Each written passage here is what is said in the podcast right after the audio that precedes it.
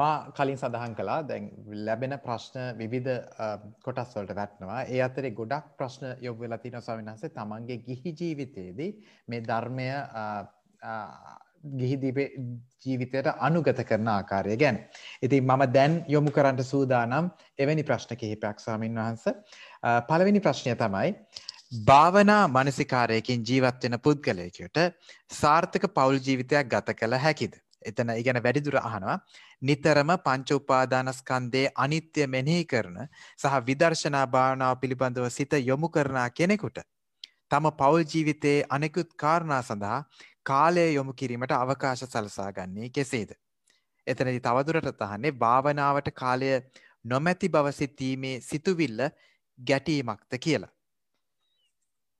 මෙහෙමයි මාත්‍යයෝ කෙනෙක් විදර්ශනා භාවනා වැඩුවා කියලා අනිත්‍ය භාවනා වැඩුවා කියල මාත්‍යයෝ කවදක්වත් තමන්ගේ පවුල් ජීවිතයට හෝ තමන්ගේ පෞද්ගලික ජීවිතයට බාධාවක් වෙන්නේ නැහැ. තේරනාද අපි කායානු පස්සනාව වඩලා අපි නිරේතුරුවම අපි පුහුණු වෙනවා මේ රූපය කායානු පස්සනාවට අදාළ. හරි මේක දෙතිස් කුණුපයක් හැටියට වඩනවා. නැතන් සතර මහාධාතුවක් හැටියට වඩනවා. මේක ඉරියාව පවත්වන අනිත්‍යයෝ කයක් හැටියට වඩනොමත් එහෙම නැත්තම් මේ ආට්ටික සංඥාවක් හැටියට වඩනවා. එහෙම වඩලයා නිරේතුරුව මාත්‍යව මේ රූපයේ අනිත්‍ය භාවය දකිමින් ජීවත් වෙනවා. එතකොට ගිහි පින්වතෙක් රූපයේ අනිත්‍ය භාවය දකිමින් ජීවත් වෙද්දී. මාත්‍යවයා යම් රූපයක් දැකලා. ඒ රූපය නිසා රාගය සකස් වුනොත් එයා ඒ මොහොතේම මාත්‍යයෝ ඒ රූපය අට්ටික සංඥාවක් කළ දකිනු. දෙතිස් කුණුපයක් කළ දකිනවා. මරණානුස්සතියක් කළ දැකළ මොකද කරන්නේ රාගසිත පහ කරගන්න. දැම්මොකක්ද රාගසිතක් ඇති වුණා. තමන් විවාහක කෙනෙක් සාම්පුරුෂයා ගෙදර ඉන්නවා බිරිඳ ගෙදර ඉන්නවා. නමුත්තයාට බාහිර රූපයක් කරේ රාගසිතක් ඇති වුණේ. ඒ රාගසිතයා කායානු පස්සනාවෙන් නැති කරගත්තා. ඒක මාත්‍යව විවාහ ජීවිතයට බාධාවද්ද නැද්ද? බාධා වුණාද?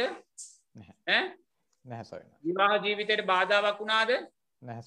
නැහැ. විවාහ ජීවිත ශක්තියක් එනම් සතර සරිපට්ඨානය වැඩීම විවාහ ජීවිතයට බාධාවක් වෙයිද? ඔන්න එයා තුළ කේන්තියක් එන ඔයාට දේශයක් එන ඔයාට සැකයක් එන ඔයාට විචිකිච්චාවක් එනවා. ඒ ආපු මොහොතේ මෙයා ඒ සිත චිත්තානු පස්සනාවෙන් දකිනවා.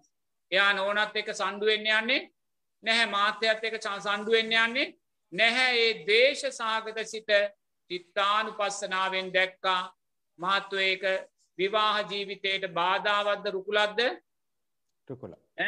ඒක රුකුලක්. ඒක විවාහ ජීවිතයට බාධාවා නෙමේ එයා සැපවේදනාවක් ඇති වෙනවා. පෙර සංස්කාරයන් නිසාමයාට සුන්දර සැපවේදනාවක් ඇතිවෙද්දී මහත්‍යවයා ඒ සැපවේදනාව නිසා සාධ සංවිධානය කරන්න යන්නේ නැහැ. මත්වතුර බොන්නේ යන්නේ නැහැ. සින්දු කියන්න ගීත කියන්න ඕවාට යන්නේ. කාමච්චන්දයන් වැඩෙන දිසාවට යන්නේ එයායේ සැප වේදනාව වේදනානු පස්සනාවෙන් දැක්කොත් එක ව්‍යහා ජීවිතයට බාධාවද්ද රුකුලක්ද එනමාත්ව සතර සටිපට්ටානේ වැඩුවා කියලා කවදක්වත් ව්‍යහා ජීවිතයට බාධාවක් වෙන්නේ නැහැ. තේන්නත් ඒක විවාහ ජීවිත ශක්තියක් මයි අපි දක්ෂ වෙන්න ඕන නිරේතුරුවම සතර සටිපට්ටාන වැඩීම තුළින් ඒ ශක්තිය විවාහ ජීවිතයට ගන්න. මොකද මාත්‍යයෝ සමහරු අපෙන් ඇවිල් අහනවා ස්වාමින් වහන්ස අනිත්‍ය වැඩීම අපේ විවාහජීවිතයට බාධාවක් නේද කියලා. ඒක එහෙම වෙන්නේ නැහැ. මොකද අපේ අනිත්‍ය හැම වෙලාම සම්මාධිත්‍යයෙන් පෝෂණය වෙලායි තියෙන්. ඒක හොඳට තේරුම් ගන්න. දැන් සමහර පින්වතුල්ලා අනිත්‍ය වඩනවා. නමුත් ඒ අනිත්‍ය සම්මාධිත්‍යයෙන් පෝෂණය කරන්නේ නැහැ.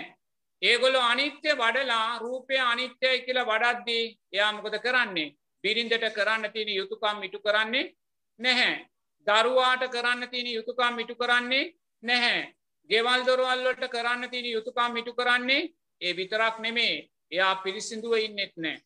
ඇඳුන් ටික හරියට හෝද ගන්න නෑ රැවුල හරියට කපාගන්න නෑ කොන්්ඩ හරියට පීරගන්න නෑ තමන්ගේ කාම්බරය හරියට අස්පස් කරගන්න නෑ ඇයි සියල්ල අනිත්‍යයි. මාත්තු ඒ අනිත්‍ය නිගන්ටලාගේ අනිත්‍ය. ඒක ලෝතුරා බුදුරජාණන් වහන්සේගේ අනිත්‍ය සාරිපුත්ත මහෝත්තමයාණන් වහන්සේ පිරිනිවන් පානෙ තමන්ගේ අම්මාගේ නිවසේ. අර නාලක ගමේ සාරි බැමිණගේ නිවසේ පිරිනිවන් පාන්. බුදුරජාණන් වහන්සේ ළඟට ගිල්ලා අහනවා කියනවා භාග්‍යවතුන් වහන්ස මං හෙට දවස පිරිනිවී යනවා. බුදුරජන් වහන්සේ යනවා කොහෙද ඔබ පිරිනිවෙන්නේ. මගේ උපන් නිවසවන මගේ අම්මාගේ නිවස කියලා. ඇයි කියලහනවා. මගේ අම්මතාම මිත්‍යා දෘෂ්ටිකයි මං මරණාස් අවසාන නිමේශයේදී හෝ මගේ අම්මා සම්මාධිත්‍යයට පත් කරනවා කියලා සාරිපුත්ත මහරහතන් වහන්සේ තමන්ගේ උපන් නිවසට යනවා පිළිනිවන් පාන්. ඇයි පිංහතුනේ. ප්‍රඥාවට අග්‍රස්ථානයට පත් වූ සාරිපුත්ත මහෝත්තමයාණන් වහන්සේගේ අනිත්‍ය සම්මාධිත්‍යයෙන් පෝෂණය වෙලා තිබ්බ පිංහතුනි. අම්මා තාත්තාගේ ගුණයන් පිළිබඳ විශ්වාසයෙන් පෝෂණය වෙලායි තිබ්බේ. ඒ නිසා සාරිපුත්ත මහෝත්තමයාණන් වහන්සේ පිරිනිවී යන මොහොතේ හිතුවේ තමාගේ අම්මා ගැන සුන්දර සම්මාධිත්‍ය අර්ථයක්. ඒ නිසා ඔබ අනිත්‍ය වඩනවනං සතර සටිපට්ඨානයන් වඩනවනං ඒ සතර සටිපට්ඨානය සම්මාධිත්‍යයෙන් පෝෂණය වෙන්න ඕනේ. සම්මා දිට්්‍යයේති බුදුරජාණන් වහන්සේ දේශනා කරනවා. ඔබෙන් අම්මා තාත්තාට විය යුතු යුතුකම් පක්ෂයක් තියෙනවා. ඔබෙන් බිරිඳට දවා දරුවන්ට විය යුතු යුතුකම් පක්ෂයක් තියෙනවා.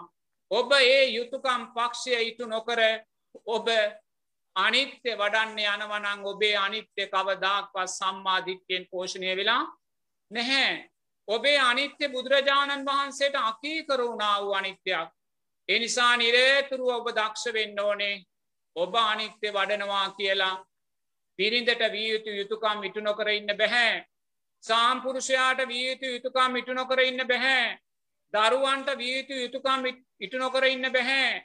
ඔබ කොයිසා අනිත්‍ය වැඩුවත් ඒ අනිත්‍ය සම්මා අනිත්‍යයක් බවට පත්වෙන්න නම් ඔබේ අනිත්‍ය නිරේතුරුවම සම්මාධිත්‍යයෙන් පෝෂණය වෙන්න ඕනේ. බුදුරජාණන් වහන්සේ යම් වගකීමක් ඔබට යම් අම්ම තාත්තා උදෙසා බිරිඳ දරුවන් උදෙසා යම් දෙයක් පනවල තියෙනවනගේ සෑම ධර්මතාවයක්ම නිවැරදිව ඉටු කරන කෙනෙක් බවට ඔබ පත්වෙන්න ඕනේ. ඒ නිවැරදිව ඉටු කරන්නේ ඒ සියලු සංස්කාරයෝ අනිත්‍ය වශයෙන් දැකලා අම්මා කියන රූපයක් බිරිඳ කියන රූපයක් සාම්පුරුෂයා කියන රූපයක් දරුවා කියන රූපයක් නිරේතුරුවම කායානු පස්සනාවෙන් දකිමින්ම මේ මගේ අම්මා මං මේ බවගමනේ ලබන අවසාන අම්මයි. මේ මගේ බිරිඳ මං මේ බවගමනේ ලබන අවසාන බිරිඳයි. මේ මගේ සාම්පුරුෂයා දරුවා මේ බවගමනේ මල් ලබන අවසාන සාම්පුරුෂයායි දරුවයි. මේ මගේ ගුරුවරයා උපාධ්‍යාණන් වහන්සේ මම මේ බවගමනේ ලබන අවසාන ගුරුවරයා උපාධ්‍යාණන් වහන්සේ කියන විදර්ශනාත්මක දැක්ම ඇති කරගෙන අන්න පිංහතුනේ අපේ විදර්ශනාව ශක්තිමත් කරගන්න. විය යුතු යුතුකම් අපි අකුරට ඉටු කරනවා. ඒම අකුරට ඉටු කරලා අපිට දැන් තේරෙනවනං මේ ගිහි ජීවිතය නිසරුයි මේ ගිහි ජීවිතය තුළ තව ඉඳල වැඩක් නෑ මේ කාමයෝ නිරේතුරුවම අනිත්‍යයි එනිසා මං පැවිදි වෙන්න ඕන කියලා පිරිඳගේ විරෝධය මැත බුදුරජාණන් වහන්සේ අපිට පැවිදිවෙන්න අවසර දෙන්නේ නැහැ අම්මා තාත්තාගේ විරෝධය මත අපිට පැවිදිවෙන්න බුදුරජාණන් වහන්සේ අවසර දෙන්නේ නැහැ. නමුත් බුදුරජාණන් වහන්සේ ඊටත් මාර්ගයක් තියෙනවා. ඔබ විදර්ශනා වඩලා ඔබට මේ සංසාර බය දැකලා ගිහි ජීවිතේ නිසරු බව දැකලා ඔබට හිතෙනවනම් පැවිදි වෙන්න අන්න බුදුරජාණන් වහන්සේ ඔබට නිදහස දෙනවා. ඔබ බිරිඳත් එක්ක කතා කරන්න. බිරිඳට කියනවා මට දැන් මේ ජීවිතය නිසරුයි මට පැවිදි වෙන්න යන්න ඕනේ මට අවසර දෙන්න කියලා. බිරිඳ ඔබට අවසර දෙනවනම් ඔබට නිදහස තියෙනවා පැවිදි වෙන්නත්. හැබැයි බිරිඳ ඔබට අවසර දෙන්න නැත්තං කවදාක්වත් ඔබට පැවිදි වෙන්න බෑ. මොකද ඔබේ භාරකාරය බිරිඳයි. ඔබ බිරිඳට පිටින් ගිහිල්ල බිරිඳක විරෝධය මත ඔබ පැවිදි වුණොත් එහි පැවිද්ද සම්මා පැවිද්දක් බවට නම් පත්වෙන්නේ නෑ. බුදුරජාණන් වහන්සේට අදාළව අපි මාර්ගය මතු කරගන්න ඕනේ. එනිසා ගිහිපින් අතුල්ලාට කොයිසා සතර සටිපට්ඨාන ධර්මයන් පුහුණුනත් දවසට පෑගානක් පුරුදුනත් ඒ සතර සටිපට්ඨාන ධර්මයන් ගිහි ජීවිතේ සැපය උදෙසාමයි ශක්තිය උදෙසාමයි නිවන් මාර්ගය උදෙසාමයි හේතුවෙන්නේ කවදාක්වත් ආර්යෂ්ඨාංගික මාර්ගයෙන් පෝෂණය වූ සතර සටිපට්ඨානය ඔබේ ගිහි ජීවිත අවුලක් බවට නම් පත්වෙන්නේ නෑ. මොකද ඔබ මාර්ගය වඩන්නේ බුදුරජාණන් වහන්සේට අදාළව නිසා